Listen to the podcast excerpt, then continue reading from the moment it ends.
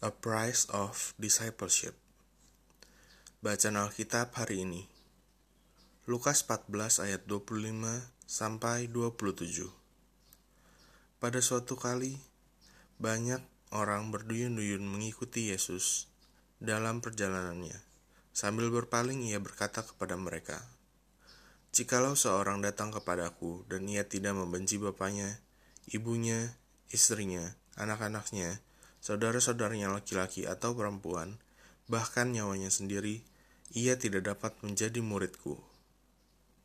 Barang siapa tidak memikul salibnya dan mengikut aku, ia tidak dapat menjadi muridku.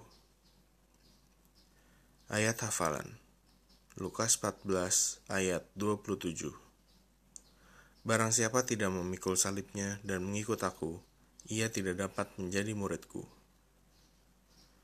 Renungan Inspirasi Sebagai murid Kristus, kita selalu diperhadapkan dengan banyak pilihan setiap hari. Pilihan itu terasa berat ketika salah satu pilihan melawan kedagingan kita dan salah satunya lagi memuaskan kedagingan kita. Pada titik tersebut, kesetiaan kita dalam mengikut Yesus diuji. Dalam Lukas 14 ayat 27, Alkitab secara implisit menjelaskan bahwa keputusan kita mengikuti Yesus harus diikuti dengan komitmen untuk memprioritaskan Ia di atas segalanya, bahkan melebihi nyawa kita sendiri. Artinya, kita harus membuat pilihan setiap waktu untuk mengikuti ajarannya dan bukan melakukan apa yang bertentangan dengan firman-Nya. Menjadi seorang Kristen dan menjadi murid Kristus adalah dua hal yang berbeda arti. Sejak Yesus melakukan mukjizat, banyak orang yang mengikuti dia, tetapi hanya sedikit yang mau menyangkal diri untuk menjadi muridnya. Ciri-ciri seorang murid adalah mau diajar, mau berkomitmen, bersedia untuk ditegur dan dikoreksi. Menjadi murid berarti harus selalu taat dalam kebenaran dan disiplin secara rohani. Bahkan ketika ada proses yang membuat kita merasa tidak nyaman, kita tidak menghindar atau mengambil jalan pintas yang tidak sesuai dengan firman Tuhan. Apakah kita berani untuk menolak ketika teman-teman kita mulai bergosip? Apakah kita berani untuk menolak ajakan teman untuk pergi ketika sudah waktunya kor? Apakah kita lebih memilih untuk membaca Alkitab daripada hiburan lain? Atau apakah kita tetap bekerja dengan integritas sekalipun tidak diawasi oleh orang lain? Pilihan-pilihan tersebut mungkin terdengar sepele, tetapi itulah arti bayar harga. Tingkat kedewasaan kita sebagai murid dapat dilihat dari keputusan-keputusan yang kita ambil hingga hal-hal terkecil sekalipun. Menjadi murid Kristus adalah proses umur hidup, bukan peristiwa semalam. Proses yang panjang pasti membuat kita lama-lama jenuh, lelah, dan rasanya ingin berhenti.